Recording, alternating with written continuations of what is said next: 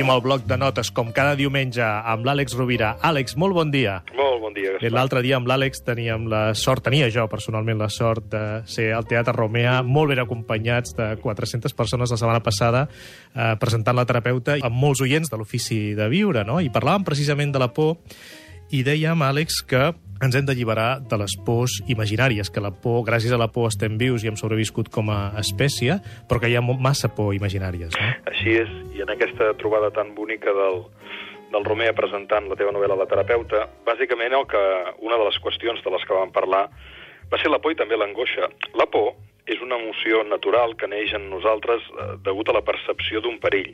Quan és així, la por és sana, perquè ens alerta de quelcom que ens pot fer mal, que ens pot agredir, que pot ser dolent per a la nostra integritat física, mental o emocional. El problema ve quan la por neix a partir d'una imaginació. És a dir, hi ha pors amb objecte, por reals, però hi ha pors sense objecte. D'alguna manera, la diferència entre la por i l'angoixa és que l'angoixa és com una por indeterminada, és una por sense objecte. És d'això del que val la pena treballar per alliberar-se. Quantes persones han passat la vida patint per coses que mai els van arribar a passar? I aquest patiment, quantes disfuncions han generat en les seves relacions, en la seva quotidianitat i fins i tot en les seves possibilitats de viure una existència més serena, més plàcida, més plena, més curull en tots els sentits.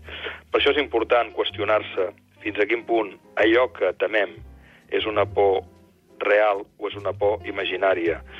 En qualsevol cas, el coratge sempre és necessari, però potser mai n'hi ha prou.